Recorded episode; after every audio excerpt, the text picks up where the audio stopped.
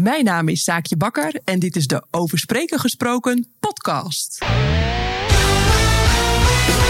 Je hebt de woorden, maar nog niet echt een verhaal. Ze moeten vloeien, maar hoe werkt dat allemaal? Je eerste hulp is hier, Glenn is jouw support. Luister naar Over Spreken Gesproken, zodat jij voortaan scoort. Lieve luisteraar, stel je eens voor. Je doet een opleiding. Je hebt een eh, goede baan. Je hebt zekerheid, eh, controle. Alles lijkt eh, eigenlijk goed te gaan. Je krijgt de mogelijkheid om jezelf te ontwikkelen. En toch, er knaagt iets. Er knaagt iets, maar je weet eigenlijk niet wat. Maar ga je, ja, ga daar iets mee doen? En misschien herken je het wel dat je op sommige momenten in je leven op een kruispunt staat en denkt van ja, ga ik voor de weg van de minste weerstand of niet? Durf ik zekerheid om te ruilen voor onzekerheid? Lieve luisteraar, ontmoet Zaakje Bakker. Na een opleiding bedrijfskunde en verschillende managementfuncties gooide zij het roer om en ging ze eigenlijk op zoek naar ja, wat ze precies wel wilde. Eigenlijk op zoek naar zichzelf. En het resulteerde in een reis langs verschillende opleidingen. eh, eh, waar ze uiteindelijk terecht kwam bij eh, ja, eigenlijk de, de, de diep gewortelde behoefte om op een podium te gaan staan. En zij is op dit moment specialist spreekmoed. En eh, nou, ik zie haar al, eh, al, al denk ik een paar jaar op eh, social media hele mooie content delen. En dus ik vond het hoog tijd voor een, voor een goed gesprek. En in het gesprek zul je van het zaakje leren ja, hoe je kwetsbaar kunt, mag zijn van jezelf. Wat, wat je eigenlijk de demonen die je tegen zult komen op het moment dat je ervoor kiest om het maskertje af te zetten. Om niet te doen wat men per se van je verwacht, maar je eigen passie eh, achterna te gaan. Eh, ik vind dit verhaal super inspirerend. Ik vond het gesprek heel erg mooi. Dus ik ben ook heel blij om dit met jou te delen. Ik ga mijn mond houden en Saakje aan het woord laten. Eh, ik gun jou een dosis spreekmoed. Lieve luisteraar, veel plezier met dit interview. Saakje, welkom in de podcast. Dankjewel. Wat fijn dat je hier, eh, dat je hier bent in het eh, leerklooster. En ehm, ja, we gaan het hebben over, over jouw reis. Eh, met name jouw reis naar misschien wel op zoek naar zaakje. ja, Op zoek naar wat, wat wil zaakje nu eigenlijk? ja, Eh, of wie, wie is, wie ben je eigenlijk? Ja. Ehm, en, en, en, en, en dan ben ik meteen hardop aan het nadenken of we, of we ergens moeten beginnen waar, ja, hoe je bent begonnen als bedrijfskundige, als manager, toch? ja, Back in the days. ja, Is- ooit. ooit? Ja, ja, Is, is dat een interessant om daar te, om daar te beginnen? Ja, ja, dat, ja, laten we dat doen. Ja. Want als je het zo zegt, dan de eerste gedachte die bij me opkomt is van... oh ja, dat heb ik ook nog gedaan. Ja. Alleen het voelt alsof dat in een soort van ander leven was bijna. Ja? Ja, ja, dat is zo ongelooflijk ver weg. Dat is wel interessant, toch? Ja, en ik ik kan me ook. Ik weet dat ik het gedaan heb. Gewoon vier dagen naar hetzelfde kantoor. Met dezelfde mensen. Hetzelfde ritme. En dat, en dat ik nu echt dacht. Denk van hoe heb ik dat toen altijd volgehouden? Ja. Ja, ik weet wel hoe. Maar, maar het is. eh, ja, Jouw leven ziet er nu totaal anders uit dan pakweg. Dan hebben we het over vijf jaar geleden, toch? Dat het Ja. grote omslagpunt Ja. kwam. Ja. Vijf, zes jaar ja, geleden. vijf, zes jaar. Ja, Gewoon voor de luisteraar die jou niet kent. Want, Ja. want je, bent, eh, je bent niet een, eh, een, een schrijver met talloze boeken. Nee. Je bent niet een eh, Jos Burgers of een Remco. Nee. Die, die, en gelukkig maar. ja, Maar je bent wel iemand waar ik mezelf heel erg in herken. Namelijk iemand die heel nieuwsgierig is. Heel leergierig. en, en, en ook mensen begeleidt. Ja. Om, om te spreken. Om, om zich, om, je noemt dat zelf spreekmoed. ja, Dus dat veronderstelt al dat er niet alleen een vaardigheid eh, getraind moet worden. Maar dat er ook een ja, een perceptie van jezelf Ja. aan de kaak gesteld moet worden. Ja. Als we, als we teruggaan naar het zaakje voor die hele transformatie. En, eh, hoe zou je jezelf toen hebben voorgesteld? Dus laten we, het is nu 2021, laten we naar Ja. 2000, 2011 gaan of zo. 2011. Ja, in, in ehm, volgens mij 2010, 2011, toen was ik net eh, hoofdleerplicht bij de gemeente Den Haag geworden. Oké. Ja, en dat was wel een van de, de, de leukste functies die ik heb gehad. Ja. Absoluut. En, maar toen kwam ik ook uit een periode ehm, dat ik daarvoor ook even kort zelfstandig was geweest. Als soort van interim manager. Ik had wel allemaal dingen gedaan. Ik had mezelf weer eens ergens ontslagen en, en dat soort dingen. Dat doe ik wel vaker. Ehm, en toen kwam ik bij hoofdleerplicht. En nou, als je me zou vragen van omschrijf jezelf eens hoe je toen was. Ja. Eh, ambitieus. ehm, eager. Ja. En ehm, heel. eh, ik, ik had gewoon ongelooflijk zin om die klus aan te pakken. Het, het, ehm, In Den Haag toen. in Den Haag. Ja, het was bij de gemeente Den Haag. En ik dacht echt van, nou, leerplicht is weer een andere, weer een andere tak van sport. Ja. Ehm, ik kwam, minus een paar tussenstappen, ik kwam bij de Raad voor de Kinderbescherming vandaan. Dus daar was het zeg maar al mis binnen een gezin. En dan grepen wij in. En dit voelde als het ware nog een stadium daarvoor. Daar Mhm. waar je dan kan beïnvloeden dat het misschien iets minder mis of helemaal niet misgaat. Ja, ja, ja, je doel wordt om te voorkomen dat ze Ja. uit, ooit bij Ja. eh, de kinderbescherming terechtkomen. Ja, absoluut. En, en ehm, het was eigenlijk toen ik daar op die afdeling kwam, wa- was er wel wat eh, chaos, wel wat turbulentie, er waren veel veranderingen geweest, eh, ook veel onzekerheid. En dat is een omgeving, daar gedij ik gewoon heel goed. Ja. Ehm, en het waren, ik, maar ja, ik moet ook zeggen, ik had ook een beeld van leerplichtambtenaren. Alsof dat allemaal hele suffe mensen waren. Echt een soort geitenwolle sok. Eh, beeld had ik ervan Een gemaakt. ambtenaar-idee van... eh, Oh. dat, dat was niet zo. Nee, Goed voor de luisteraar die het gevoel heeft. Ja, dus eh, ik- dat valt mee. ik zag op een gegeven moment echt mijn team. En ik dacht echt van, jongens, wat een ongelooflijk leuke mensen. Ja. En dat was ook meteen dat ik dacht, ja, maar als je ehm, impact wil maken op die jongeren, als je die jongeren in beweging wil krijgen, dan moet je twinkels, fonkels in je ogen hebben. Je moet iets extra's brengen dan alleen zeggen, jij moet naar school. Want dat, dat gaat hem gewoon niet worden. Ja. En dat werd vervolgens ook volgens mij mijn missie om alleen maar mensen binnen te halen die, die eh, een beetje dat vuur in zich hadden en waarvan ik dacht, jij kan contact maken. Ja, en dat ging dus verder dan alleen handhavingsdingen of, of de standaard gesprekken. Je moet echt in staat zijn om, om ouders en die jongeren op een bepaald level aan te spreken, Ja. waardoor er echt iets gaat gebeuren. ja. Nou, dat vond ik prachtig. En is dat, was dat anders dan het werk dat je daarvoor had gedaan? Want als manager kan ik me voorstellen, gaat dat ook. Ben je ook het de effectiviteit van je communicatie bepaalt een beetje de resultaten die je met Ja. je team behaalt. Ja. Veranderde daar daadwerkelijk bij die functie iets in je interesse voor ook wat je nu eh, eh, onder andere doet? Nou, ik denk dat het daar wel wat begonnen is met, met ook mijn interesse voor. Want ik denk dat het daar ook wel op neerkomt. Ik heb ongelooflijke interesse voor communicatie. Ja. En, en hoe kan je nou iets bij een ander bewerkstelligen? Ehm, en ik vond die doelgroep heel mooi. Ja. Ja, dus, dus daar. En, maar dat wa- dacht ik van wat, wat zij met, met de, de scholieren of studenten moeten doen, dat heb ik natuurlijk zelf ook met mijn team te doen. Ja. Dus ik, ik hield zelf ook van mooie gesprekken voeren met mijn medewerkers. Er moest ook heel veel gebeuren.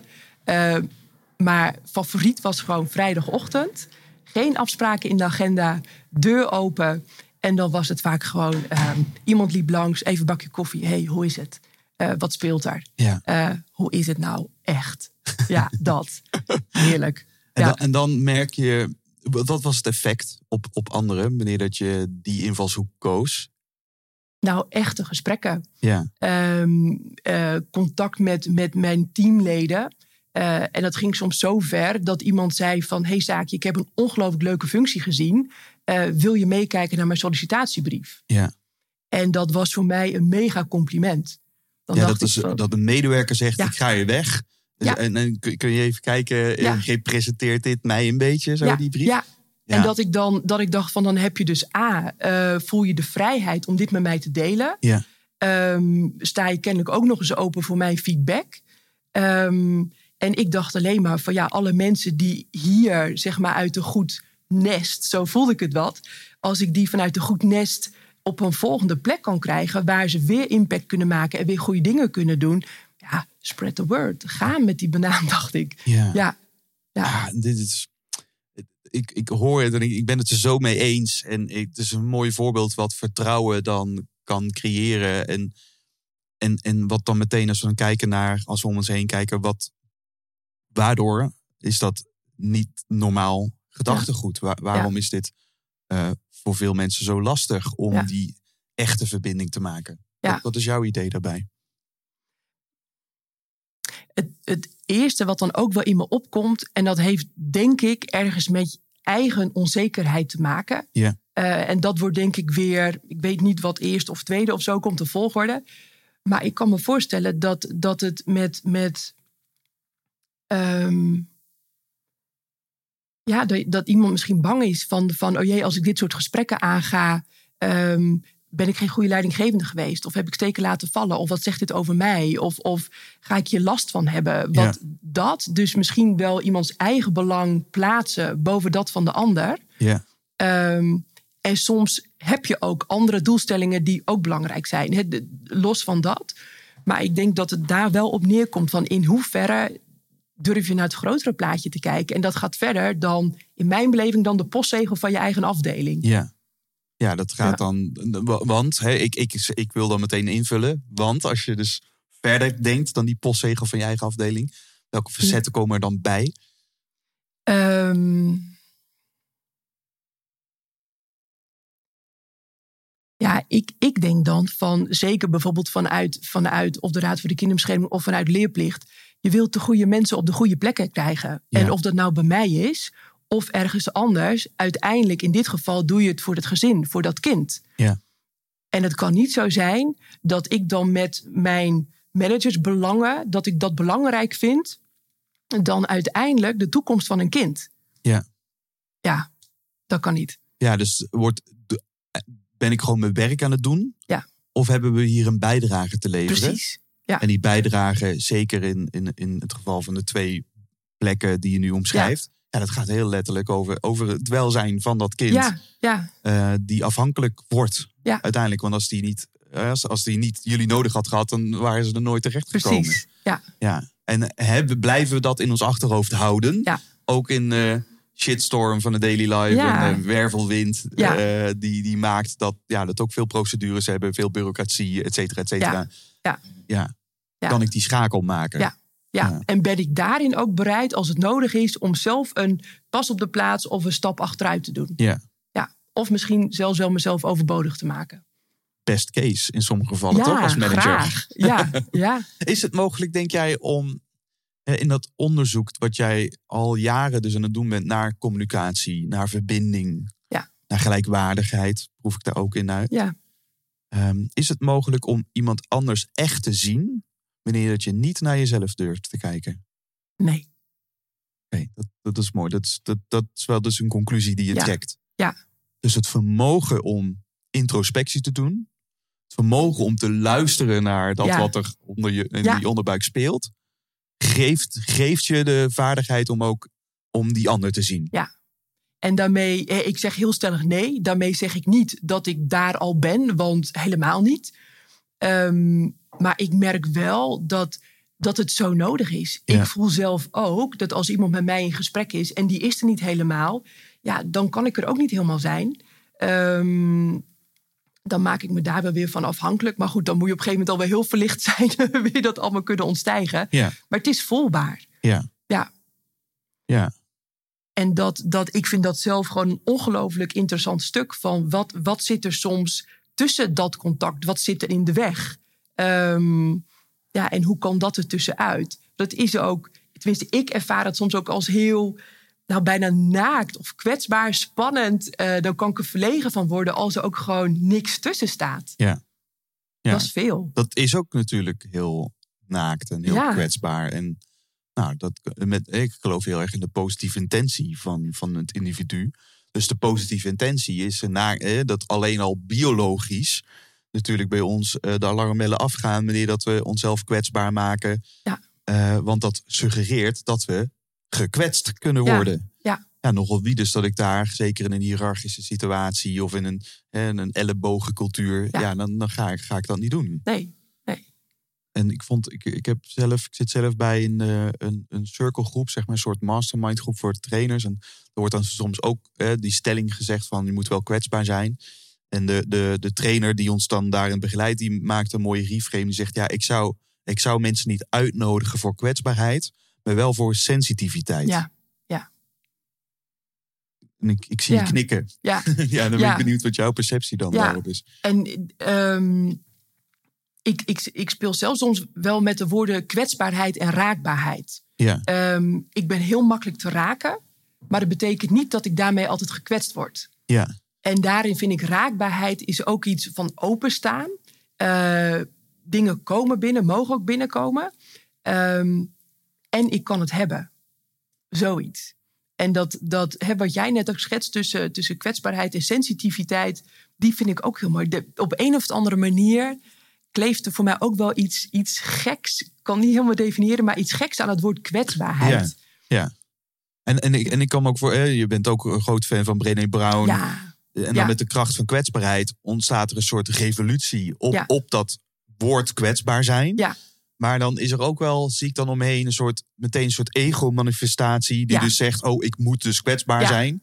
En dat het een soort, dan wordt dat het doel. Ja, en dan wordt het ook nep kwetsbaar. Dan Ja. ga je bijna kwetsbaarheid ehm, strategisch of haast manipulerend Ja. inzetten voor iets anders.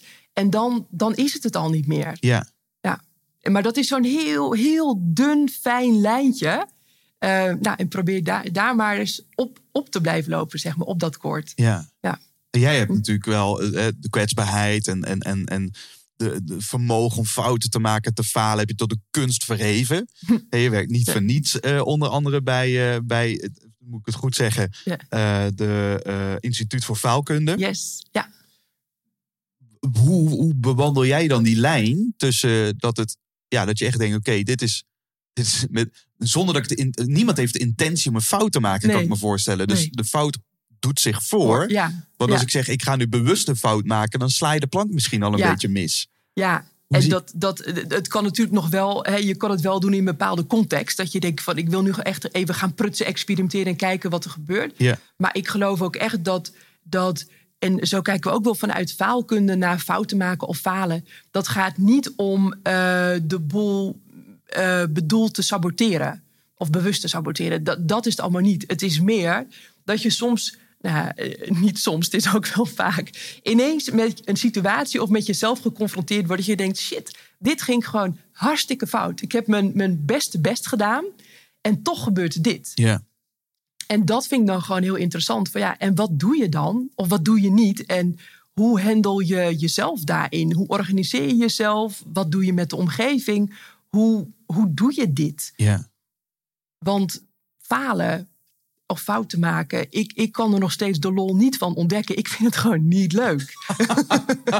dat is misschien ook wel het fijne, hè? Dat de Ja. expert faalkunde zegt, Ach, het man. is niet leuk om, Nee. om, om fouten te maken en te falen. Ik Dus- heb het laatst, ehm, eh, ik had je nou, verteld dat ik een coachingsopleiding doe. Ja. En ehm, toen heb ik het zo gevoeld, echt tot, tot in mijn kleine teen, hoe het voelt om te falen. Want ik, ik zakte voor het praktijkgedeelte. En plein publiek.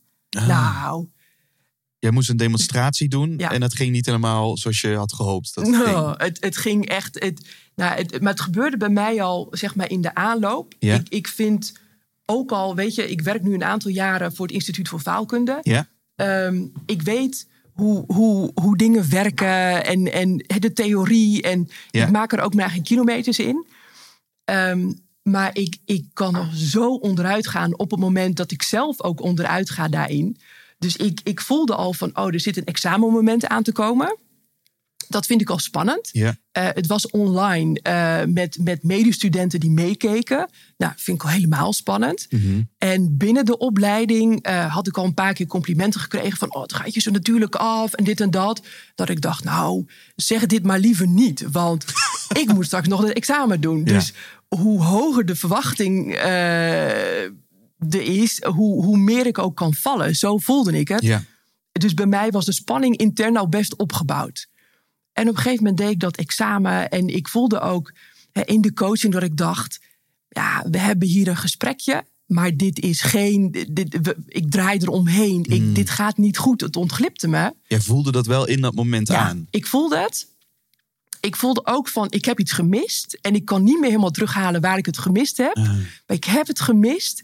En nou, ik ging een beetje een soort van... ehm, ik weet het niet waar te trappelen om een kopje boven water te houden. Maar het, het, was, het was gewoon slecht wat ik deed. Zo simpel was het. En uiteindelijk, we kregen, of ik kreeg meteen de feedback. En ik kreeg ook te horen, gewoon echt in het Engels, zaakje, you failed.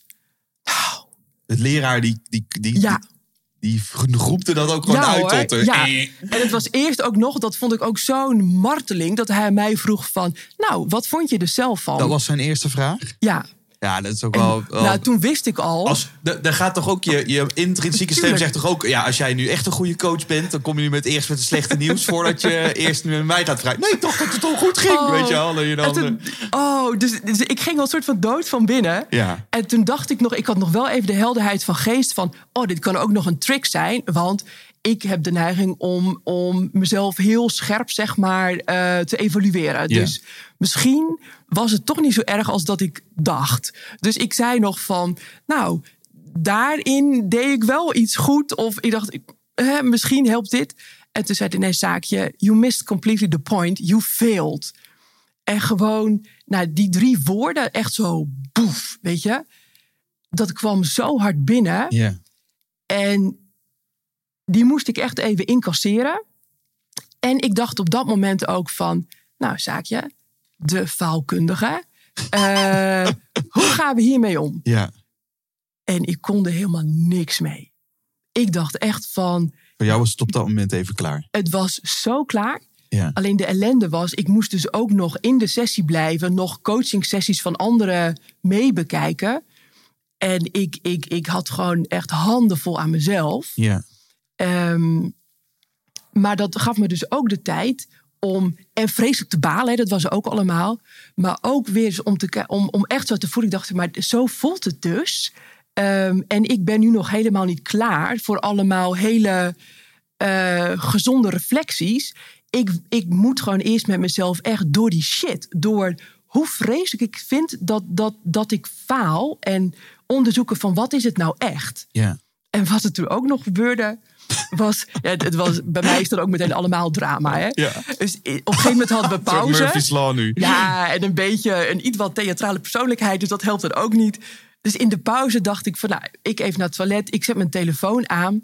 En toen had ik een appje van een groepsgenoot. En die zei, oh, Zaakje, dit had ik echt niet verwacht. En ehm, nou ja, weet je, want je bent zo'n voorbeeld voor mij. En toen dacht ik, ja, Ook, ook een soort indirecte afwijzing hier. ontzettend lief. Maar toen dacht ik, nou, vind ik, nou voelt het nog erger. Ja. En toen dacht ik op een gegeven moment ook van, nou, weet je, dit is het. Ehm, maar dat was zo'n les in weer voelen hoe pijnlijk falen kan zijn. Ja. En dat ik dacht van, maar ik weeg dus mee wat andere mensen van me denken. Ik, ik laat mijn complete identiteit op dit moment even zo helemaal in het doucheputje verdwijnen. Kan ik het hebben of kan ik het niet hebben nu? Want ik ben er ook nog steeds. Nou, dit is een, een, een prachtig dat je dit zo, zo deelt. Eh, moedig ook van jou. Eh, ik wil dan, eh, als we dit even meta kunnen Ja, bekijken. want er ja. gebeuren eigenlijk heel veel dingen hier. Ja. Waar ik dan ook wel vragen over heb. Ehm, en misschien wel de eerste vraag om gewoon bij jezelf te blijven. Je zegt, dan moet je ook gewoon heel even door die shit heen. Ja. Wat, wat is die shit precies? Wat gebeurt er dan als we dus meta bekijken? ja, Je krijgt dus een, een, een, echt wel een, een directe afwijzing. Ja. Niet op jouw persoon, Nee, nee. maar op, op, op het stukje wat je daar hebt laten zien. ja. Maar ze voelt het nooit. Nee. Daarom is feedback altijd kut. Hm. Toch ergens, weet je wel. enorm. Ook al ja. voel je ook alles van, oh, ik ben heel dankbaar dat je dit tegen me zegt. Want Ja. nu, nu gaat er groei komen. En toch kom je een soort disruptie dat je het klepje onder je voeten. Dat je denkt, oh, ik kan wel inpakken. Dit is Dat- klaar. Dit was hem. Sorry Ja, jongens, tot Ja. ziens. Ja, ik ga me marineren, zelf medelijden. En eh, wie weet, ze komen elkaar ooit nog wel een keer tegen. Ja, Hoe, hoe werkt, wat maakt dat toch zo super intens? ja. Nou, daar heb ik dus ook over na zitten denken van hoe kan het dat dit me zo raakt? En voor mij had het er in ieder geval mee te maken dat, dat ik had bij mezelf de druk zo hoog opgebouwd. Mhm, Ik vond dat ik hier gewoon niet op mocht falen. mhm. Ik vond dat ik dit gewoon goed moest doen. Punt. Ja. Ehm, en daarmee had ik mezelf wel in zo'n verkramping geholpen. Ja, doe het dan nog maar eens goed. Ja. Dus, die, dus het was in eerste instantie. ehm, viel ik gewoon van mijn eigen voetstuk. waar ik mezelf op had gezet. Ja, dus het gaat dus hier niet zozeer over de afwijzing die je krijgt van je leraar of Nee. van een, een, een, een maatje in de opleiding. Nee. Het gaat dus over de perceptie die we hebben van onszelf. Ja. En die klopt niet. Nee. Die. En want het lijkt alsof de, de, de, de prikjes zeg maar, van de buitenwereld, alsof dat dan heel, eh, heel belangrijk is en heel veel impact heeft. En dat heeft het ook. Maar uiteindelijk zijn dat alleen maar ehm, wat zij zeggen of doen, doe ik allereerst al naar mezelf. Ja. Dus die, die knalt er heel erg in. En ook de, ik was ook echt verbaasd aan de, nou, ik noem het maar de diarree aan gedachten die ik had. Mhm. Dat ik dacht van, oh, maar als je dit verprutst hebt, ehm, dan moet je nu al je lopende coachingstrajecten afzeggen. Want dit kan dus niet. Dit vak moet je gewoon niet willen beoefenen, want anders had je het wel gehaald. Ja. Dus uiteindelijk, hè, als je jezelf, als ik mezelf daar niet in begrens, dan moet ik gewoon een carrière switch maken. En dacht ik van, toch wel fascinerend dat zo'n zo'n event, zo'n gebeurtenis, zoveel impact kan hebben als ik mezelf mijn gang laat gaan. En daarin zit voor mij dan ook echt wel de, het, het ding van. Tuurlijk, ik laat mezelf echt wel even zwelgen. En, en het is drama, mascara op mijn kin. En dat, dat is gewoon echt. eh, dan wil je gewoon niet bij me zijn. Dat is echt verschrikkelijk. Ja.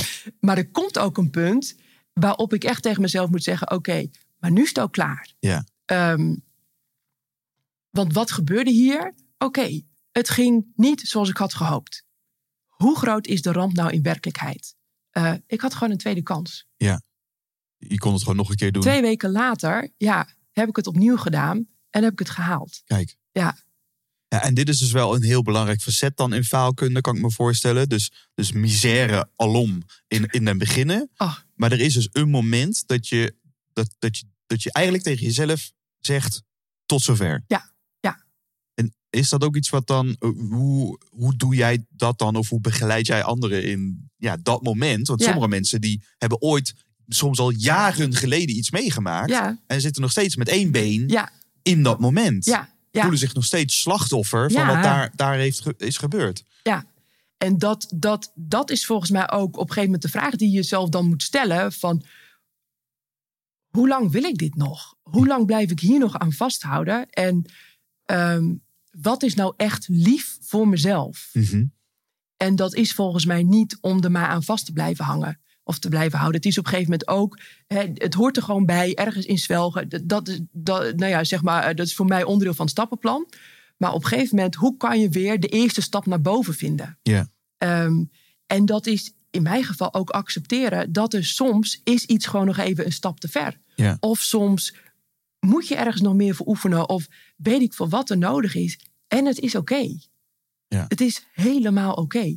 En 9 van de 10, of misschien zelfs wel 10 keer van de 10 keer, komt er weer een tweede kans.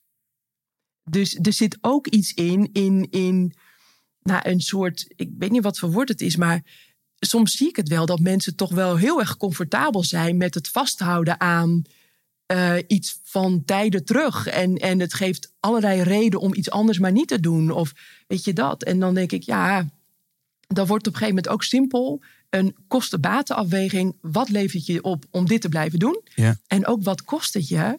Eh, en waar houdt het je bij weg? Ja. Maar dan, het is ergens ook een beetje jezelf aan je eigen haren uit het moeras trekken.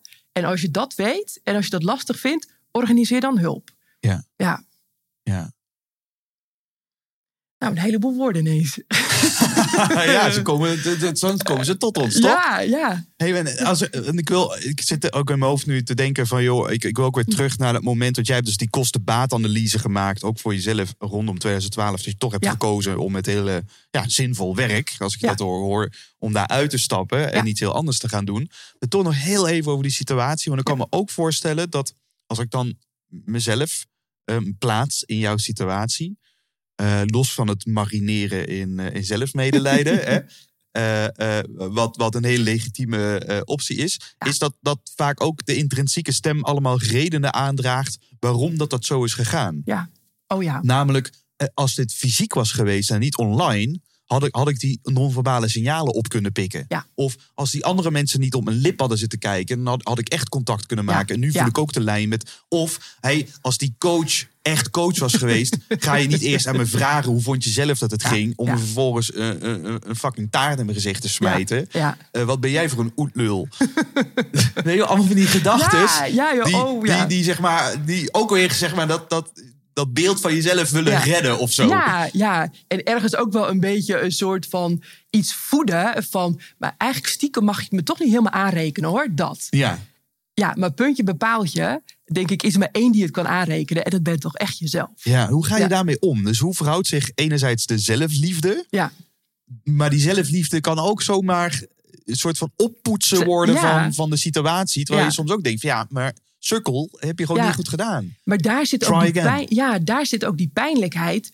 Ehm, het vraagt me ook, ook zo'n...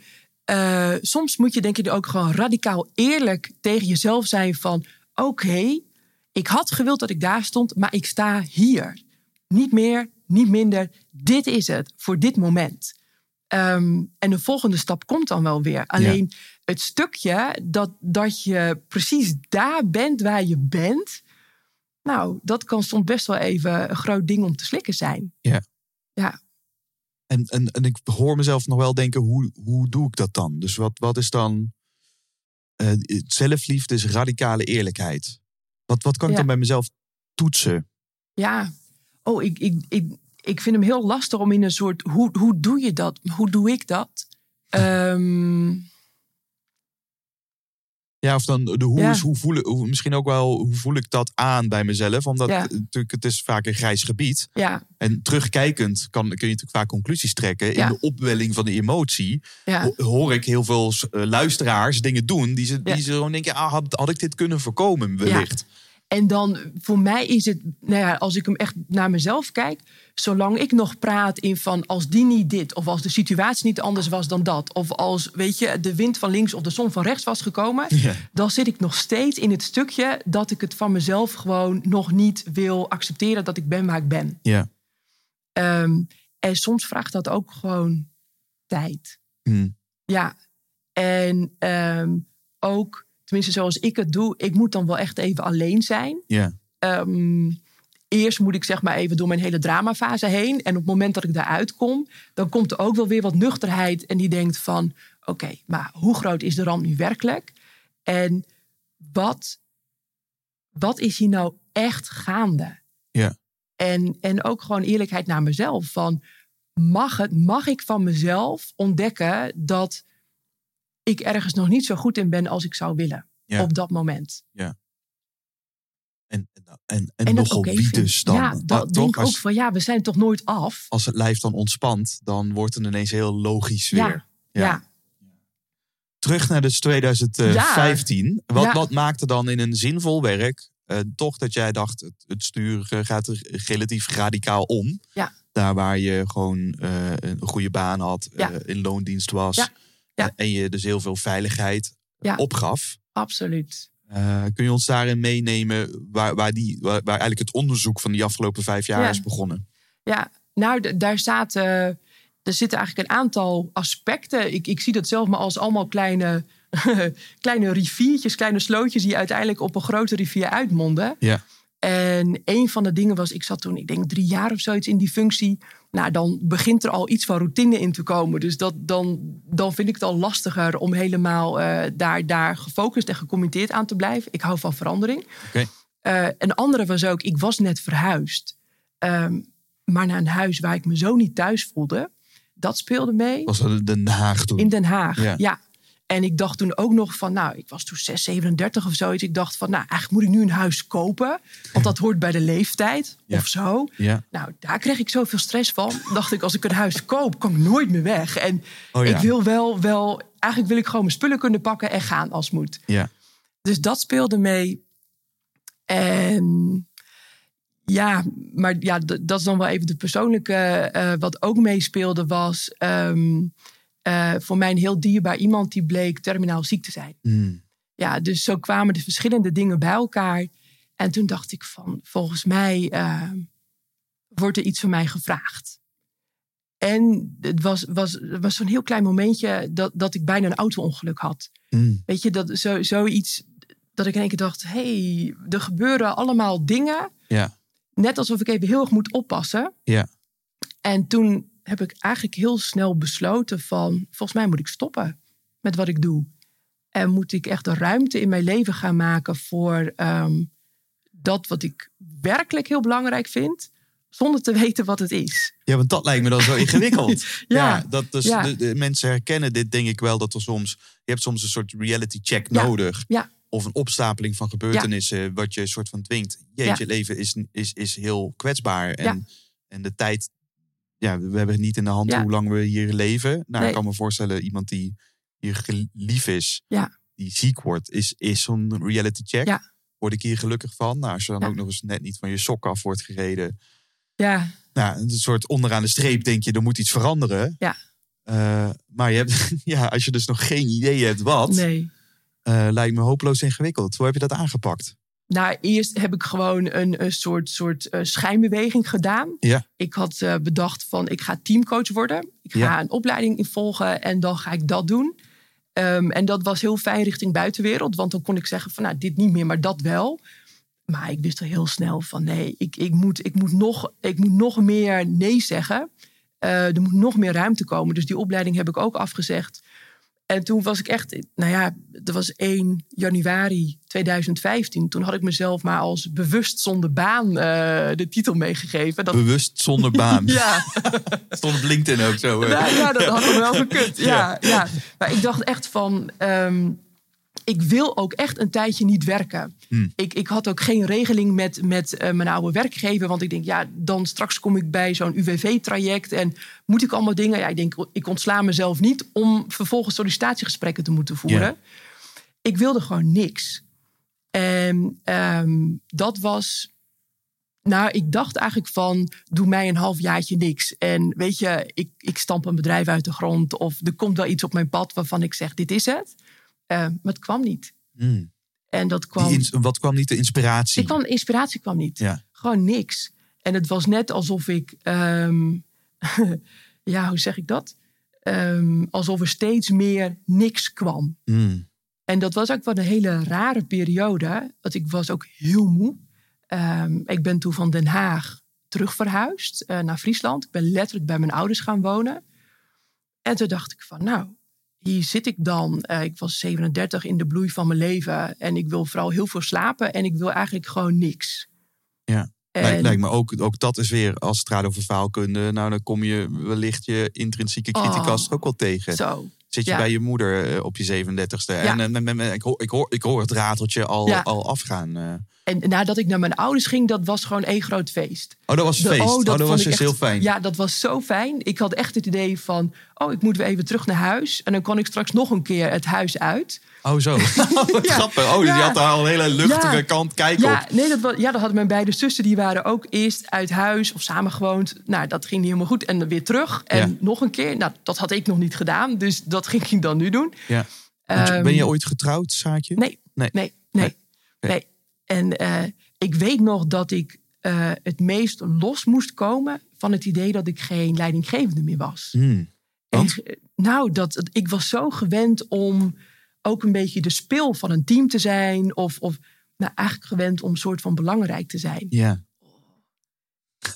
Oh, hoor ik je zeggen. Ja, maar die, die echt, die. ehm, dat was zo'n comfortabele positie. Weet je, aan een MT-tafel zitten, meebeslissen, meepraten, overal van op de hoogte zijn. En dat voelde voor mij als, als nou, alsof ik soort van belangrijk was. Ja. Ehm, en misschien zelfs wel een beetje onmisbaar.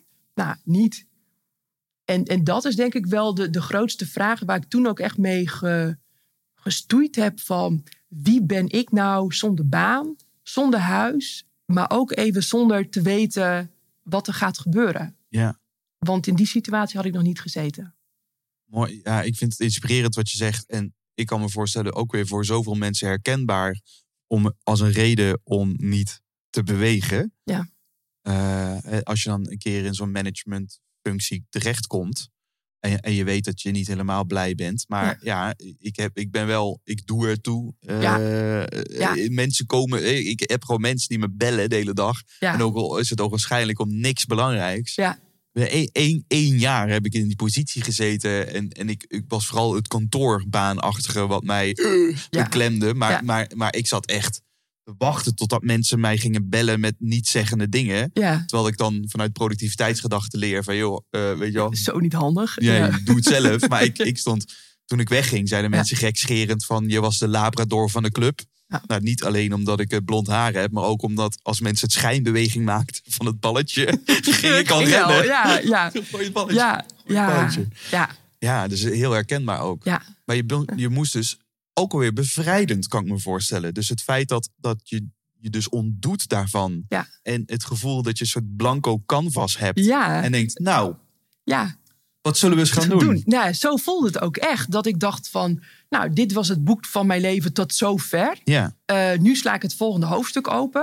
Het is alleen gewoon leeg. ja, Eh, en nu, ik denk, daar sta ik dan met mijn studie bedrijfskunde en met mijn jaren eh, leidinggevende ervaring. En, en ook een beetje dat ik dacht van, maar ik dacht, ja, ik ben 7, 38, ik moet nu toch weten wat ik wil. Tot ik op een gegeven moment ook wel ontdekte dat ik dat gewoon nooit heb geweten. En Mm. toen dacht ik, maar waarom zou ik het dan nu ineens wel weten? ja. Ehm, en toen ja, gebeurde er ook gewoon allemaal gekkigheid. Gekkigheid zegt ze met een ondeugende glimlach ook. ik kan het niet anders zeggen. Ehm, eh, ja, ik, ik, kwam, ik kwam Remco tegen, het directeur van het Instituut voor Faalkunde. Ja. Die, die, was, die had eigenlijk al een soort manuscript in zijn hoofd zitten voor een tweede boek. En die zei van, nou, wi- wil je meeschrijven, daaraan meewerken? Nou, toen was ik in één keer, zat ik gewoon volop in een boek. En zo rolde ik ook faalkunde in. Ja. Ehm, ik, ik had toen op, op 1 januari 2015 hè, mijn eerste bewust zonder baan eh, dag. Was ik in Spanje, was ik op een soort spirituele retraite. Mhm. En dat was de tweede keer dat ik met die organisatie meeging. En uiteindelijk in 2015 ehm, werd ik ook een van de reisbegeleiders daar. Dus in één keer ging ik, eh, ik heb bijna heel 2016 in Spanje gezeten. Spirituele retraites Spirituele verzorgd. retraites, ja. En dan zat ik gewoon met een groep mensen en, en, en fijne collega's op een berg. Helemaal verzorgd, prachtige natuur. Werken aan persoonlijke ontwikkeling. Lekker. En, en dan stond ik daar in mijn korte broek, hemdje en slippers. En daar verdien ik geld mee. En dan dacht ik, ja jongens, als we het over een kantoortuin hebben, echt. ja. eh now we're talking, weet je. Ja. En nou ja, dat, dat is zo bizar. Ehm, ja, en uiteindelijk eh, vanuit faalkunde, eh, eerst achter de schermen en op een gegeven moment steeds meer van, hé, hey, laat ik eens een workshop overnemen. En nou, ging dat balletje rollen. Ja. En toen in één keer stond ik voor groepen, maar niet meer als manager, maar als mezelf. Ja. En toen dacht ik van, oeh, oeps. Wat neem ons, neem ons eens mee naar hoe dat ging dan. Dat je ineens Ja. als, uit naam van jezelf op een podium staat. Ja, dat, dat nou, ik, ik denk dat ik ongeveer het eerste jaar, dat, dat ik zo'n keer een beetje elke keer doodging. Ja. Ja, Eh, en dat had, had echt, ja, ik had ook echt zoiets van, van ehm, nou, kan ik niet gewoon de theorie uit het boek behandelen? Want dat weet ik gewoon, daar heb ik al meegeschreven en dan doen we gewoon dat. Weet je, dan kan ik daar een beetje, kan ik zelf een beetje wegblijven, zeg maar. Ja. Maar uiteindelijk dacht ik, ja, dit, dit is het niet. Dit is ook niet hoe ik het wil, ehm, maar hoe dan wel? Ja. En dat, ja, toen begon een beetje mijn hele onderzoekstocht van, van hoe, hoe ga ik mezelf organiseren, zeg maar, als ik voor een groep sta. Eh, wat, wat wil ik overbrengen? Wie wil ik zijn? Hoe ga ik dit doen? En wat kom ik tegen? Nou, daar kwam ik vrij veel in tegen. ja, Dat is weer een nieuwe... dat, dit was echt weer een nieuwe. ja. Ja, En als ik op je website kijk, zeg je wel van... joh, heel mijn leven droomde ik al van de weg naar een podium. Ja. Maar stierf ik zo ongeveer elke keer onderweg er naartoe. ja, ja. Maar dat was wel onbewust. Dus, Ja. Want, want in al die jaren daarvoor zei ik, ik heb, ik heb geen idee. En ik, Nee. ik weet dat je zelfs nog naar Fran- Zuid-Frankrijk bent gegaan ja. om een boek eh, te, te willen schrijven. Ja. En, en daar een, een, een acteur tegenkwam Ja. die, die, waar je dacht, hé, dit is eigenlijk veel leuker Dit is dan... veel leuker, ja. Maar dat is ook het rare. Want ik, toen ik net zeg maar, met die trainingen begon te geven, toen dacht ik ook van, ik heb geen ervaring op het podium. En pas veel later ontdekte ik van, het is gewoon helemaal niet waar. Ik heb heel veel ervaring op een podium, maar op een heel ander podium. Ja. Ik heb vroeger altijd in een orkest gespeeld. Oké. Gewoon op een podium. En Ja. eh, wat speelde je toen? Ik speelde klarinet. Klarinet. je zegt het ook een beetje braafste meisje van de Ja. kastbeweging Oh, maak je ja, maar erbij. dat was ook zo. Ja? ja. Vlechtjes in en zo. Nou, dat nog net niet. Nee. nee, maar ik was ook helemaal niet een hele goede klarinetiste of zoiets. Gewoon door hard oefenen kon ik gewoon leuk meespelen. Ja. Maar ik vond dat optreden echt fantastisch. Ja, ik heb ook altijd heilig geloofd dat hè, dan in zo'n orkest heb je dat je, ik kwam binnen op derde klarinet. Nou, derde klarinet zit je achteraan. En op een gegeven moment word je wat beter, ga je naar tweede en naar eerste en naar solo. Nou, dat heb ik nooit gered. Maar ik kwam wel op eerste klarinet. En Zit ik je wel vooraan? ik zat wel vooraan. En ik heb altijd gedacht dat dat kwam omdat ik gewoon zo'n blije eikel werd als ik tijdens die optredens. En dat ik dacht van nou, de dirigent denkt vast van die bakker moet maar een beetje vooraan. Want dat is ook leuk voor de mensen om naar zo'n blij meisje te kijken. Dat had niks met mijn spel te maken. Dat weet jij nu of dat, dat realiseerde je toen ook al? Nou, dat dacht ik toen ook al. Ik dacht van dit, dit kan niks met mijn spel te maken hebben. Want ik ben in die zin, ik was helemaal niet zo'n goede klarinetist. Ik kon een beetje leuk riedelen. Nou ja, dat. Maar, maar ook dat ik dacht, dat moest ik me echt weer herinneren van... oh, maar die meters heb ik er wel in zitten. Ja. Ehm, dat is er ook. Ik Ja. was het alleen even kwijt. Ja. Ja. Dus je maakte je daar contact mee. Er Ja. ontstond weer een soort speelsheid ook daarin, Dat, kan ik ja. me voorstellen. Ja, En, en, en, en, en toen, daar, daar hield het natuurlijk niet op. Want je zegt van, joh, ik kwam, ik kwam weer heel veel tegen. ja. Wat, wat kwam je allemaal tegen in, in, in die, die nieuwe stap? Ja, het, het was voor mij echt een compleet nieuwe tak van sport. En, maar ook meteen dat ik dacht van... ik moet op het niveau van mijn collega dit kunnen. Want Ja. die deed het, die, die gaf al jaren trainingen... En, en die was ook al veel langer aan het spreken. Dus ik vond eigenlijk dat ik binnen twee weken moest masteren... waar hij al jaren mee bezig was. Ja, dat helpt ook Want niet zag echt. er ook zo eenvoudig uit. Ja, en dat is dan gewoon de ellende. Weet je, als iemand echt lekker in zijn vel op het podium zit... dat ziet er heel eenvoudig uit. Ja. Alleen de route of hè, de, de weg die daarvoor, tenminste die ik daarvoor moet afleggen om daar te komen, nou, dat was er wel eentje. Dat is Ja. toch ook interessant, hè? Die moeiteloosheid waarmee het soms, hoe het eruit ziet. Ja. Ook, hè, dus ook wel vanuit Nederland, steek je kop niet boven het maaiveld. Ja. Dat, dat ook wel in Nederland af en toe denken van, ja, ja, die sprekerswereld, weet je wel, die verdienen allemaal veel geld en zo. En eh poe, poe, poe, poe. Ja, Ehm, eh, en ik zag eh, Elke Wis, eh, volgens mij ook een vriendin of een bekende van jou, eh, eh, nog, nog laatst, of gisteren volgens mij, een post online zetten over, weet je, dat het eeuwige discussie over geld. En dan Ja. ook dat je zelf denkt van, nou, ik vraag inderdaad wel veel. En dat, eh, dat zij dan de metafoor van Picasso gebruikt, hè? Van eh, Picasso die in een café zit en een, en een vrouw die langskomt. Die zegt, oh, Picasso zou een, eh, een, een, een schilderij van mij, een portret van mij willen maken. En Picasso, ja, ja goed, ga maar zitten daar. Pakt een doek en die, die, die zet wat vegen op papier. ja, En een paar minuten later is die klaar en zegt, nou hier alsjeblieft. Ja, oh, briljant, prachtig. ja. Wat, wat, wat kost dit schilderij om mee naar huis te nemen? Nou mevrouw, dat is eh, 20.000 euro, laten we maar zeggen. En hij zegt, 20.000 euro? Maar je hebt hier maar drie minuten aan gewerkt. Ja. Hoe kan dat in vredesnaam 20.000 euro zijn? En hij zegt, nee mevrouw, dat is eh, niet de drie minuten werk. Nee. Dat heeft me heel mijn leven gekost. dat. En, wat, en, dan, en dan is dit het metaforisch voorbeeld. Ja. Wat is dus, wat is dan dat waar jij je nu in ontwikkelt, waar ik me in ontwikkel, Ja. daar waar ik een theaterachtergrond heb, notabene. Dus ook heel erg herken die perceptie van jij als coach.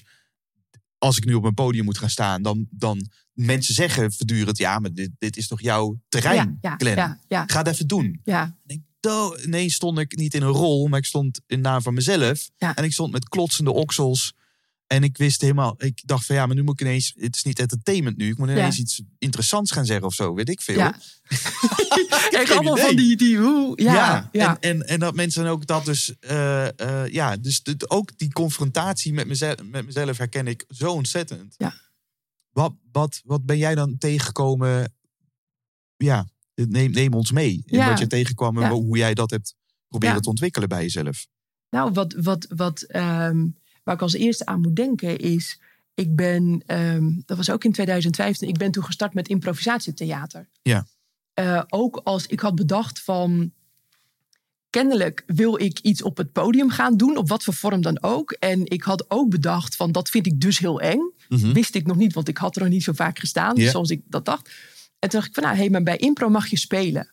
Ja. Nou, en ik weet dus ook nog steeds mijn eerste optreden. Van, dan heb je van die wedstrijden. De dat, vloer op achter de vloer op met propjes die op de grond worden gegooid die je dan eh, meteen moet Dat. implementeren. En, en de, de eerste wedstrijd die vond ik super spannend. Ik Ja. dacht van nou, nu gaat het gebeuren. Een soort van showtime, woehoe, dat. En we, we begonnen, dan had je twee teams en dan moest je je voorstellen aan de hand van een liedje. Oké. Nou, echt, zingen en ik, werkelijk.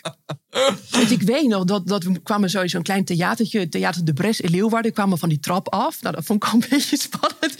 En we zaten heel dicht op het publiek. Het publiek zat op zo'n zo'n ehm, tribune omhoog en Ja. wij op een laag podium. En we stonden dus echt oog in oog met het publiek. En toen moesten we gaan zingen. En ik kon gewoon geen geluid maken. Ik weet nog dat ik daar stond en ik durfde geen oogcontact te maken. En ook niet te zingen.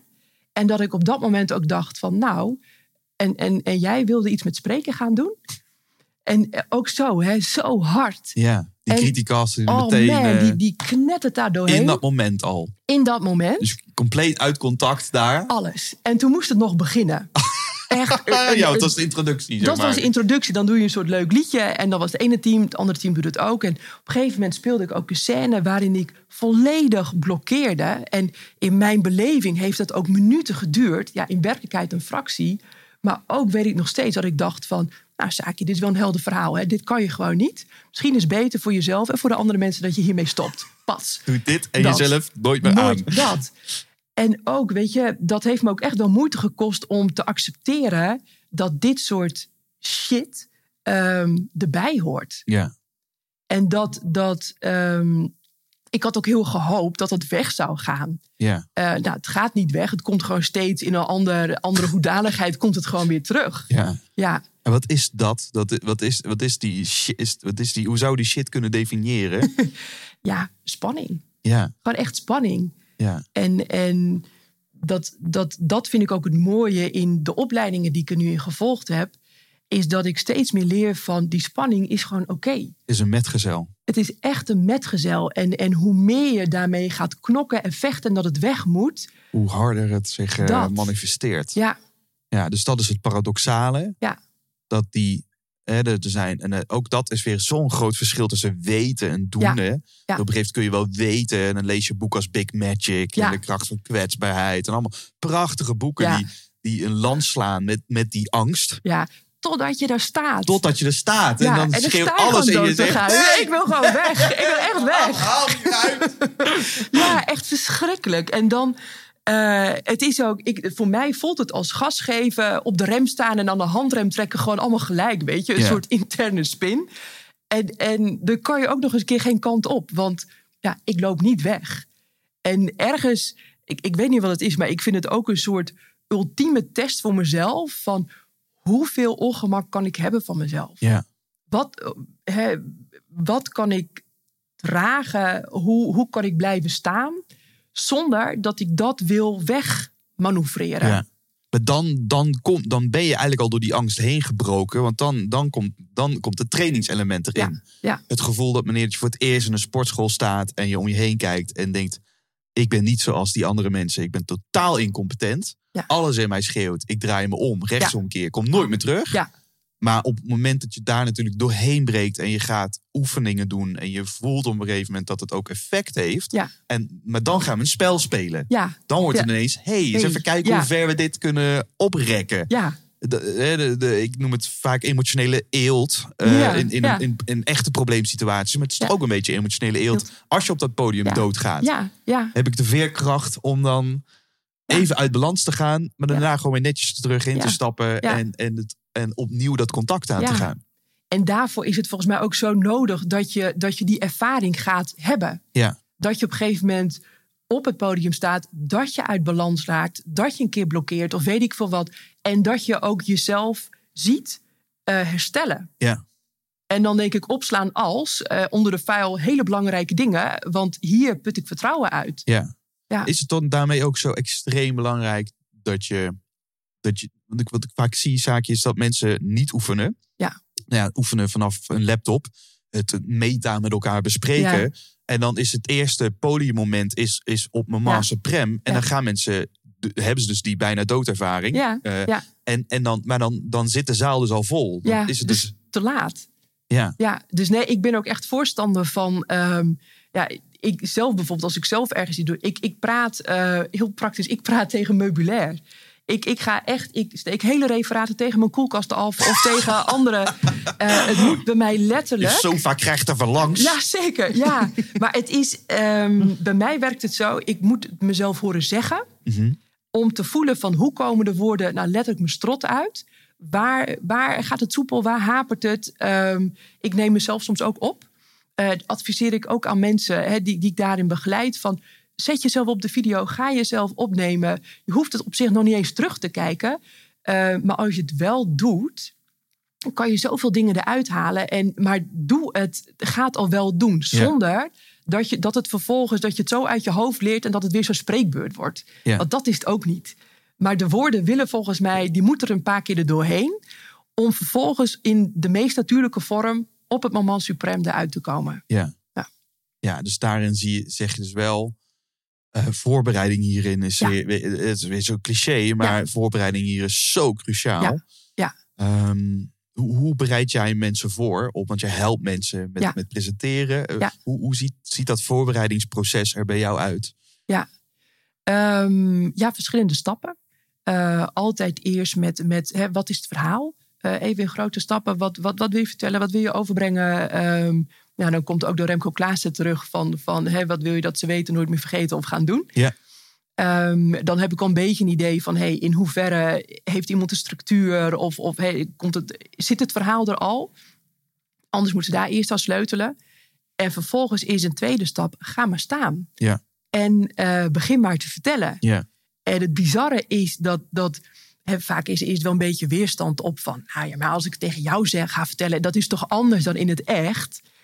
Ja, het is anders. En nee, het is ook niet anders. Uh-huh. Want juist in het van het stukje zitten naar letterlijk gaan staan, daar gebeurt al zoveel in. En die gevoelens die komen dan ook al wel.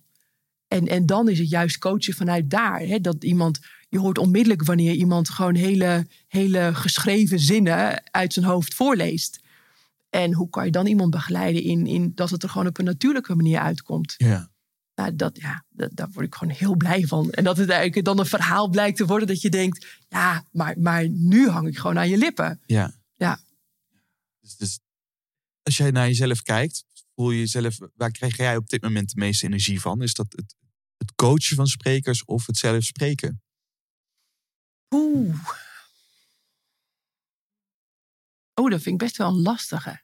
Ja. Want ik, ik geniet er zo ongelooflijk van als iemand, eh, bijvoorbeeld als, als ik heb nu zo'n Unmute Yourself training, als iemand dan zegt van, ik heb mezelf eigenlijk verbaasd, eh, ik heb mezelf echt verrast. Ik wist Ja. niet dat ik zo kon spreken. Nou, dan moet ik soms echt mijn best doen, zeg maar, om geen natte ogen te krijgen. Dat vind ik zo mooi. Of dankbaarheid. is Ja, natuurlijk dat. hetzelfde als nemen of geven. Ja, je krijgt vaak meer geluk door iets te geven. Ja. Eh, ja, maar het is een lastige vraag, zeg je. Het is Ja, lastig ik vind naar... heel lastig. Is het en-en? Het is bij mij echt en-en. Die Ja. kant is er. Ja. Maar ik moet zeggen, als, als ik zelf helemaal in mijn element ben... en, en live of online een, een verhaal afsteek... waarvan ik echt vol van, jongens, ik ben in contact... en, en het gaat eigenlijk heel natuurlijk...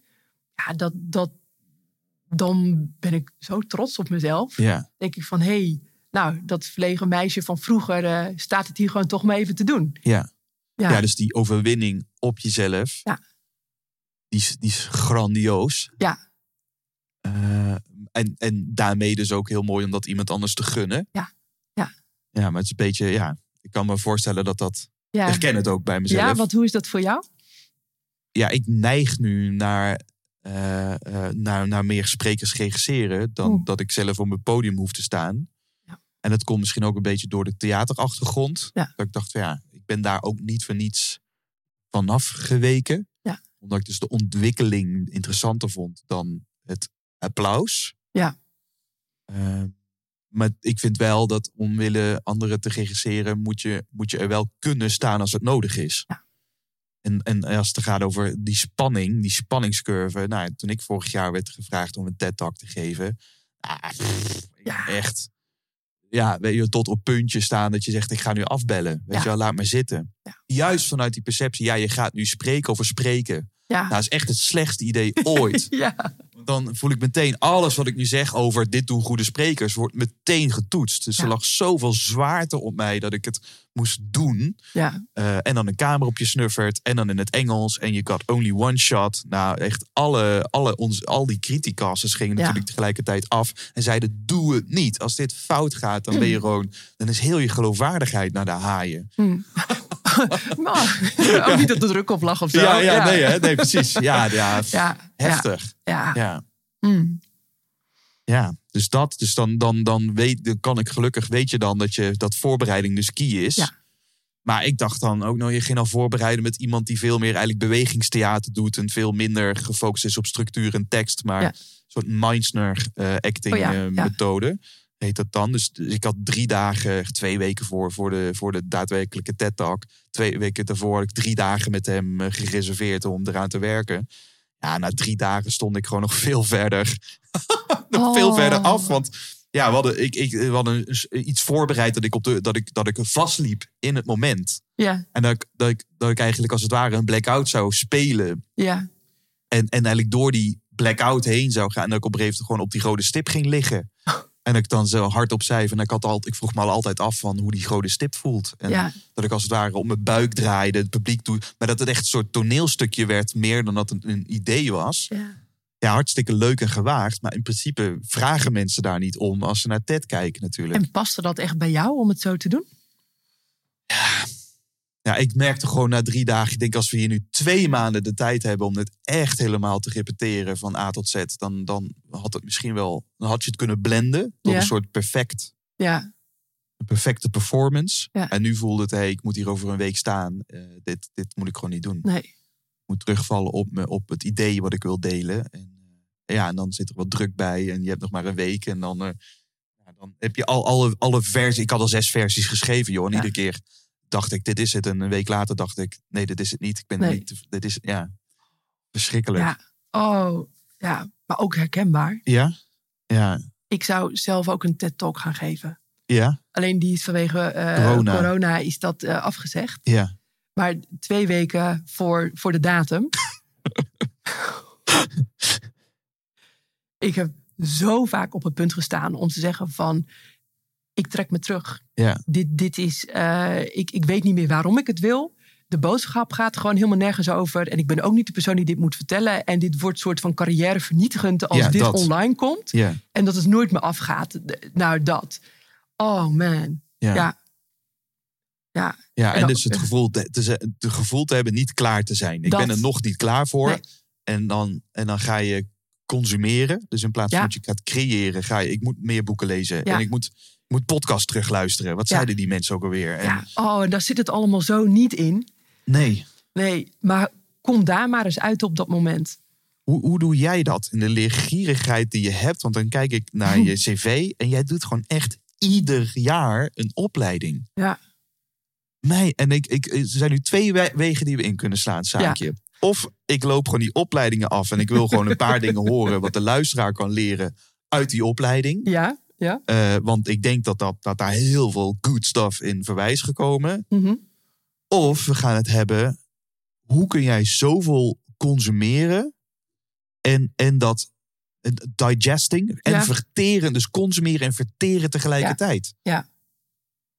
Ehm, en dan durf ik niet eens te vertellen wat ik dit jaar ga doen. Ja, precies. Nou, ja. Nee, ja, dit... dit ehm, welke route pakken we? Nou, zullen we gewoon de meest oncomfortabele route pakken? Ja, dat is de laatste. hè? Ja. Ja. Ja. om, om, om, om het, ja, ik wil het niet te veel over mezelf hebben, maar ik herken mezelf wederom daarin. Eh, eh, ik heb ook de behoefte om ieder jaar iets nieuws te leren. Ja. Daar, daar drijf ik op. Dat Ja. is heerlijk. Totdat een coach tegen me zei, eh, letterlijk, Glenn, you consume, don't digest. Ja. En die kwam, als een, die kwam zo hard binnen. Maar ik, doordat die hard binnenkwam, dacht ik, kut, hier zit waarheid in. Ja, Want mijn ego ja. zegt nu niet waar. Ja, Ik denk, tuurlijk. ja, dan, Dan, dan, moet, dan moet ik er aan. Ja. Eh, ehm, en ik ben dus benieuwd, ja, de- de- hoe, ja vertel. Ja. Hoe herken- wat, wat gebeurde er zojuist in jou toen, toen je die uitspraak al hoorde? Oh, en je moet eens ja. even wachten, eh, horen wat ik, wat ik dit jaar ga doen. Oh, en dan voel ik ook echt dat ik denk van, ik durf het bijna niet te zeggen. Eh, maar ik begin, ehm, nou allereerst, ehm, ik denk dat ik nog heel veel eh, heb te digesten, die. En eh, bij mij zit een ongelooflijke nieuwsgierigheid. En misschien ook wel een soort grenzeloosheid in kennis tot mij nemen. Ja. En dit is ook echt een thema waar ik de laatste nou, ik denk maanden mee bezig ben om daar mezelf ook in te begrenzen. Hmm. Alleen het stomme is, elke keer als ik met mezelf afspreek van, nou, nu koop je geen boeken meer. Ja, dan komt er weer iets en dan denk ik, ja, weet je, maar deze, deze, deze moet echt. En Die hoort erbij. die, ja, het kan niet zonder. En Ja. ik weet dat het bullshit is. Ehm, maar nou ja, daar ben ik nog niet helemaal van genezen, zeg maar. Dus dat, dat, dat is er. En ehm, voor mij voelt het elke keer gewoon heel logisch.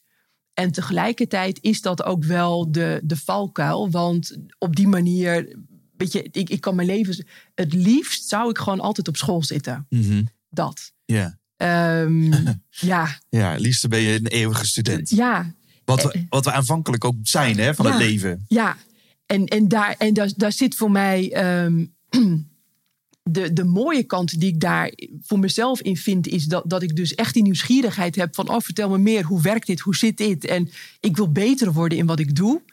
En de andere kant is ook, is dat het, het kan bijna een soort verslaving zijn. Ja. Of, en ook een, een, een, hmm, een, een soort blokkade om gewoon de, letterlijk zelf dingen te gaan neerzetten. Ja. Want ik kan blijven leren. En wanneer is het klaar? Wanneer is het af? Wanneer is iets goed genoeg? Dus ik heb, en daar in die zin was, was dit jaar voor mij echt een jaar waarin ik dingen heb neergezet. Dat ik dacht, maakt niet uit hoe ik het ga doen. Ik ga een eigen training geven. Ik ga een online ding doen. Er gaat nu een website komen. Ik ga een aanbod maken. En wat er nu is, is genoeg voor het moment. Ja. Ehm, wat bij mij meespeelt, en dat is ook, hé, ik ga nu nog, eh, ja, nu 2021, ik ga dit jaar, voorspel ik dat voor mij een vrij pittig jaar gaat worden. Ja. Eh, ik ben in 2019, ja, in november ben ik in een soort leiderschapstraject gestart.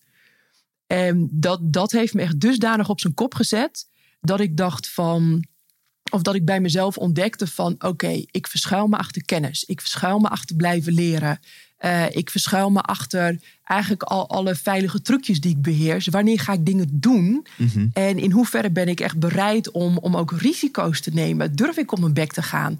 Maar het zit hem allemaal in actie. Dus blijven leren, blijven consumeren is ook een manier om uit actie te blijven. Ehm, dus ik ben eigenlijk afgelopen jaar behoorlijk uitgedaagd op in actie komen. En ik heb, en ik weet niet of jij dat herkent, maar ik, ik heb altijd zo'n gevoel. ehm, ja, klinkt misschien raar om te zeggen, maar ik krijg vaak positieve feedback van mensen. Oh, je schrijft leuk, of dit is leuk, of dat is leuk, weet je dat. En bij mij blijft altijd zo'n gevoel hangen van... oh jongens, jullie moesten eens weten, jullie ain't seen nothing yet. Dit is nog maar 20, 30 of 40 procent van wat ik in mijn mars heb. Maar hoe krijg ik dat eruit? Ja. En die bedoel ik niet, niet arrogant of, of... ja, en misschien is het ook wel, ik weet niet wat het is, maar...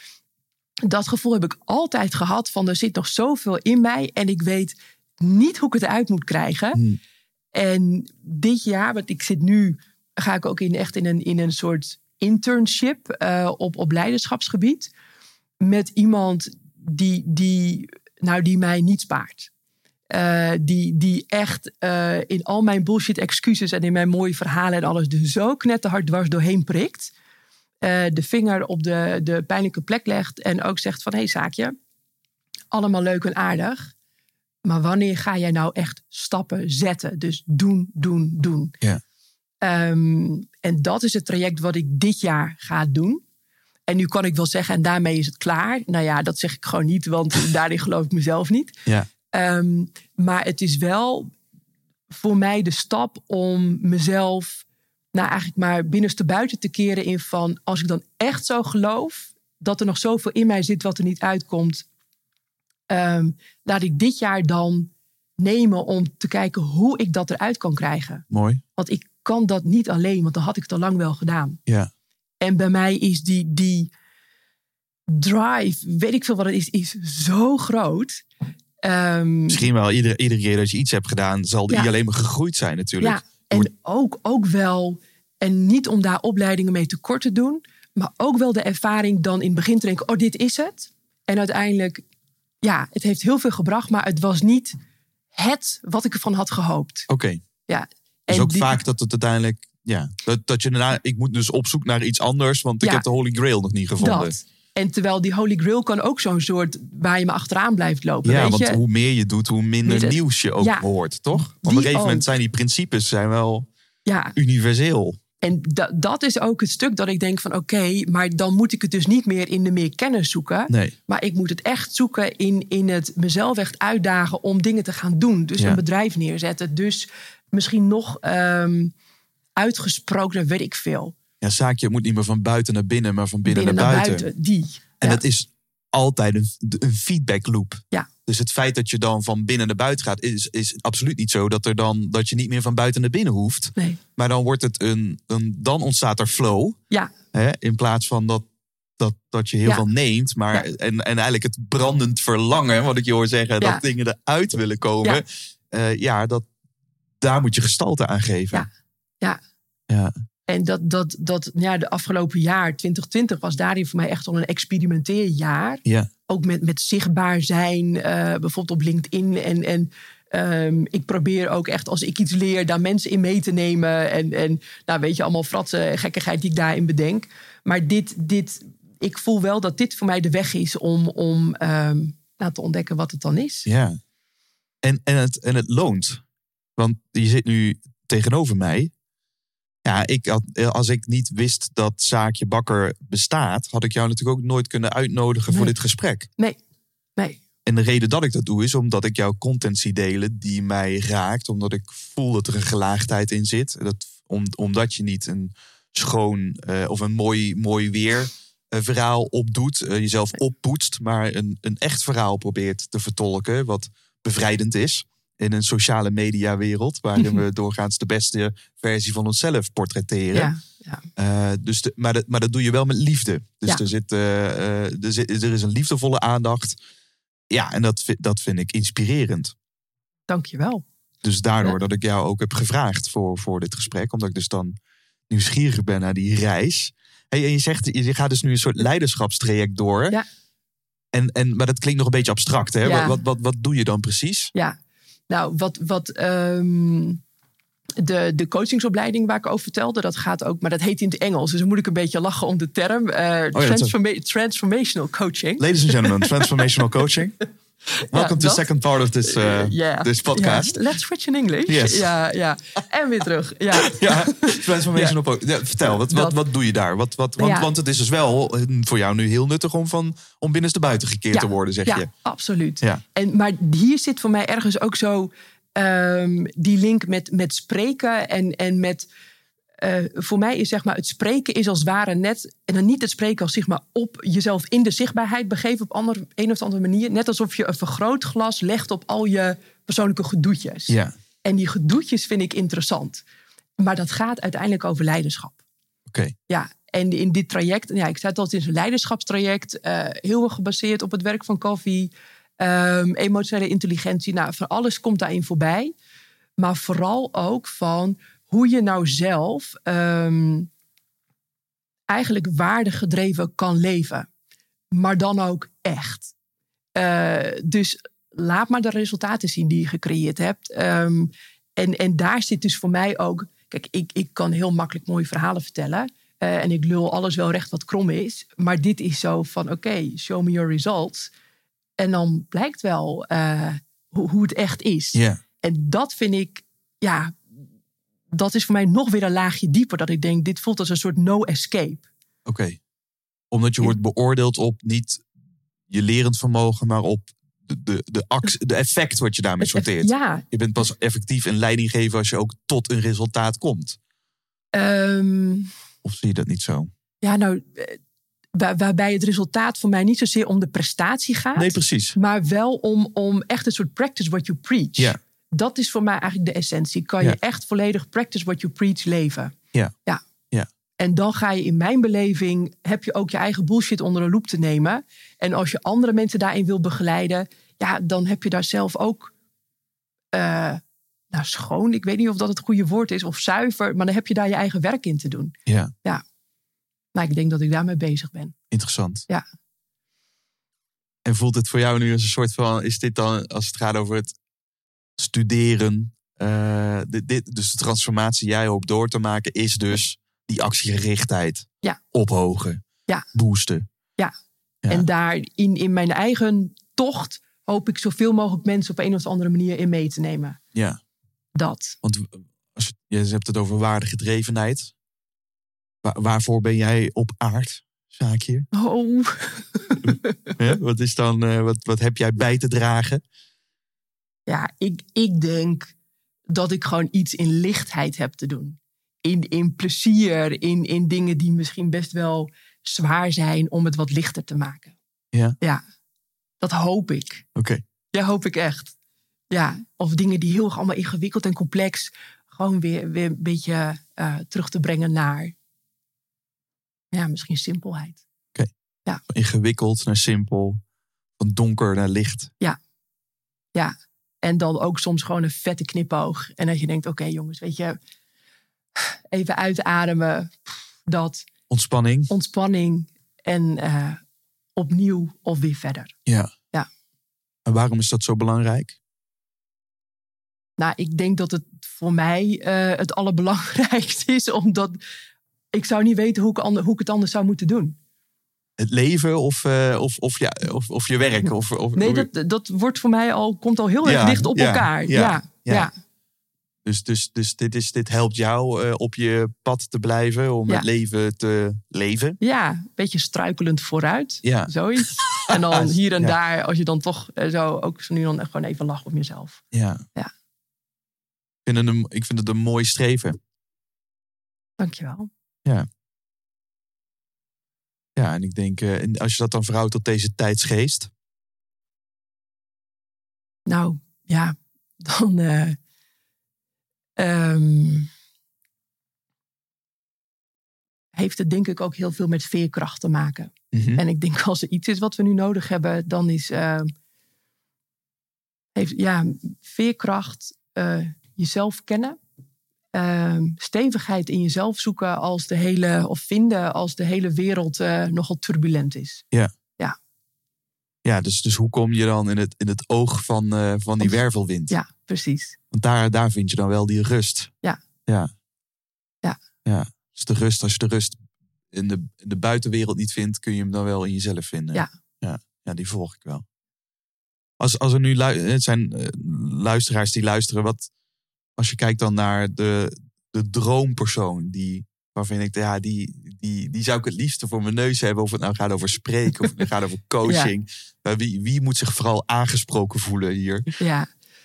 Nou, het liefst iemand die, die, of iemanden die ook zo'n soort innerlijke, weet je, dat de eigenlijk ehm, een soort frustratie ook, dat je denkt van, jongens, er is nog zoveel meer, maar ik, ik, ik weet even niet hoe ik het, uit, hoe ik het eruit moet krijgen. Dat. Maar dan, eh, waarbij de frustratie ook wel een beetje aan, flink aan het oplopen is, want dan zit je ook zo dicht op het moment dat je iets gaat doen. Ja. Ja. En dan denk ik, tenminste zo heb ik het bij mezelf ervaren, dan worden dingen waar ik, die ik eerst heel spannend of hele grote besluiten vond, die zijn dan ineens niet zo heel erg meer van belang. Dan op een gegeven moment is het oké, weet je, dit is wat ik ga doen en nu ben ik bereid om stappen te zetten, risico's te nemen. Ja. ja, ja, dat vind ik het allermooist. Dus als, als je dit hoort, luisteraar, en je denkt, ik wil dit. Hè? Ik wil eh, die unmute yourself, is een van de letterlijk een Ja. van de titels van jouw workshops. Ja. Eh, dan, eh, dan via welke weg komen ze bij jou terecht? www.zaakjebakker.nl En dan daar vinden ze vanzelf meer informatie Ja. over wat je doet. Ja. Nog even dan, als we dan toch de, die buitenkant lijsten, ik wil hem toch genoemd hebben. Ik vind het in- indrukwekkend. Eh, transformational coach is nu het, het laatste in het vat. Maar als we dan eh, teruggaan in de tijd, dan de school voor presentatiecoaching. Ja, Je bent eh, officieel presentatietrainer en coach. Ja. Je hebt de Impro Academy gedaan. Ja. Dus daar komt een dosis speelsheid bij, kan ik me zo, zo maar voorstellen. Je hebt de Storytelling Academy doorlopen. Ja. Dus verhalen vertellen, weet je ook hoe dat, hoe dat moet. Dan on the side nog familieopstellingen en systemisch coachen. Dus Ja. mocht er ergens nog een opa zijn in het verleden... die die ergens achter je staat, Ja, weet je wel. Zo'n ticket op je schouder. Die pakken we gewoon mee. Die pakken we meteen mee, ja, maakt tuurlijk. niet uit. Ja, een mooi palet, man. ja dankjewel. Ja. Ja. Is er, eh, want we gaan eh, langzaam naar de ontspotvragen toe. Zijn er nog, is, er nog, is er nog een uitsmijter? Of een, ehm, iets wat je nog graag wilt delen voordat we naar die laatste vragen gaan? Mm. Nou, ik, voor mijn gevoel heb ik al wel zoveel besproken. Dus nee. Nee. En als er zo nog iets opplopt, dan, eh, dan roep ik Top, het. Ja. top. Nou, dan eh, zet je schap. Eh, de eerste vraag is: wat is een boek wat je enorm heeft geïnspireerd? Of wat je misschien wel het meest cadeau hebt gegeven? Oh. Ehm, ja, een recent boek, Playmode, van Barbara Tammes. Playmode. Ja, over dat, dat creativiteit een houding is. Hmm, Dat vond ik zo ongelooflijk mooi. creativiteit is een houding. Ja. Interessant. Ja, ja dus je kan jezelf in de, de mood van creativiteit brengen. Tof. Ja, Playmode. Ga Ja. ik zelf ook checken, want dat heb ik nog niet, niet gelezen. Leuk. Wat is een eh, mythe over spreken waar we echt vanaf moeten? oh, dat, dat, dat, eh, dat spreken in je DNA moet zitten. Dat je een soort aangeboren talent of zoiets aanlegt. Je Nee, bent hoor. een natuurtalent. Ja, Nee, dat. Nee, is dus bullshit. Ja, Oké. ja, Ja, je ontwikkelt dat. ja, ja. Ja. Ehm, zaakje, je mag een uithangbord plaatsen waar miljoenen mensen langskomen. Wat zou jij op dat uithangbord plaatsen? Smile. Smile. Haha, zegt ze met pretogen. Leuk. Smile. Ehm, als angst geen rol meer speelt in je leven, wat voor keuze zou je dan maken? Oeh. Mm. Zo, nee. Dat is even een vraag. Mhm. Ja, poeh. Ehm. nou, dan, dan, dan denk ik dat mijn snode bedrijfsplannen ongeveer keer duizend gaan. Zo'n uitvinder zo op zijn kamer. Ja, zo. ja, zo, zo bliksemschichten. Ja. Zo, ja. ja. Curious, curious. ja, dat. En wat, wat, zien we jou dan, eh, wat zien we jou dan doen volgend jaar? Oh, volgend jaar al. Ja, ja. Ja. ja, toch? Hè? Ja. Tijd is kostbaar. Ja, je hebt helemaal gelijk. Ja. Dan, dan zou ik uiteindelijk mijn eigen eh schoolopleidingsinstituut willen hebben. Gaaf. In? Ja. In, ja, dat wordt een, een, een, eh, wel iets met spreken, maar er zit ook heel veel eh, persoonlijk leiderschap bij. Tof. Ja. Ehm, wie is persoonlijk een idool of inspiratiebron voor je? Prinses Diana. Echt waar? Ja. Wat? Daar als klein meisje spaarde ik al een plaatjes. Ik heb plakboeken vol. Wauw. En oh, nou, ik denk voor mij is zij een soort voorloper van Brene Brown. Mm. Ja, en nog altijd, dat is een van die plaatjes. Zij was volgens mij ehm, in ieder geval de eerste prinses die de hand schudde van volgens mij een jonge eh, HIV geïnfecteerd. Oké. En daarmee heeft zij zo ongelooflijk ehm, een taboe doorbroken dat iemand van koninklijke eh, dat deed. Nou ja, fantastisch. Ja, Ja. Mooi, mooi voorbeeld Ja. ook. Eh, eh, je mag een muzieknummer stoppen in eh over spreek gesproken jukebox. Eh, Oeh. maar dat kan ook. eh, vaak vraag ik wat is een anthem wat je graag luistert voor of na het spreken. Oh, eh, ehm, het is van Richard Bona, eh, bassist. En dan moet ik even het nummer. ehm, ah, nou kom ik even niet op het nummer. Het is, ik heb dat nummer, dat draai ik altijd als, het, eh, als ik iets ga doen wat ik spannend vind. Oké. Hij heeft het ook in een duet met John Legend. Please don't stop. Ja, dat is hem. Ja. Je kent hem. Ja, ik ken hem. Nou, ja. die. En dan de- Heerlijk nummer. Oh man, en dan de live versie. Ja, de Eh, live versie. Van, van een of andere optreden in Hongarije of zo. Dat Please is zo'n don't don't stop. En dan heeft hij het een soort van gemixt met een wat ander nummer. Nou, echt. En wat voor taal zingt hij eh daar doorheen? Want het is niet compleet in het Engels. Is het Frans? Nee, Afrikaans. Afrikaans, hè? Ja, iets Afrikaans. Ja. geen idee. Maar echt, Richard Bona, Please Oh. Don't Stop. Ben ik blij mee dat hij in de jukebox terecht ja, komt. doe maar. Superleuk nummer. Ja. De laatste vraag is de college toevraag. Wat zou jij in het begin het spreker als advies willen meegeven? Wat is een mooie eerste stap? Mm, ga persoonlijke verhalen verzamelen. En Ja. hoe doen ze dat? Ehm, Wat is, wat is een gemakkelijke manier om daarmee te starten? Nou, de- be- ga eerst maar eens na de, maak maar eens een lijst met de eerste keer dat. Eh, de eerste keer dat, eh, weet ik veel, eh, dat je ging spreken. De eerste keer dat, ehm, dat het fantastisch ging, dat het niet goed ging. De eerste keer dat je een huis kocht. De eerste keer dat je een baan. En weet, je, eerste keren, daar zit vaak ook zo'n soort spannendheid bij. Ja. En iedereen heeft eerste keren. Ja. Dus dat is volgens mij een heel fijn, fijn iets om daar verhalen van te hebben. En die kan je ook gebruiken in je, in je eigen verhaal. Precies. Ja. Zaakje. Dankjewel. Graag gedaan. Jij dankjewel. Wauw. Ah, van dit soort gesprekken word ik eh, altijd zo blij. Van, van, van mooie ontmoetingen met eh, inspirerende mensen. Dus eh dank je wel, luisteraar, voor het luisteren. Maar vooral ook Zaakje, dank je wel voor ja, het delen van, eh, van jouw verhalen. En eh, ja, je, letterlijk je moed om kwetsbaar te zijn. En daarmee denk ik eh, ja, dingen te delen die voor iedereen wel herkenbaar zijn. Als je meer wilt weten over Zaakje, dan eh, kan ik je zeker aanraden om haar te linken via LinkedIn. Of haar te volgen via LinkedIn. Eh, als wij nog geen connectie zijn, voel je vrij een eh, connectie met mij te maken. Ehm, en je kunt altijd naar gaan naar www.zaakjebakker.nl. En daar vind je meer informatie over Zaakje en haar diensten. Over een paar weken zijn we er weer en dan eh, vieren we een klein feestje. Namelijk het eh, tweejarig bestaan van eh, deze podcast. Dus ik hoop dat je er over een paar weken weer bent. Dan is ook, komt ook de online Sprekers Academy. Gaat dan online. Als je daar meer informatie over wilt weten, ga naar www.desprekersregisseur.nl en dan kun je een gratis online cursus volgen met de beste inzichten van de Overspreken Gesproken podcast. Nou, ik hoop, dan weer, ik hoop dat je er dan weer bij bent. Uh, dankjewel voor het luisteren en tot de volgende aflevering.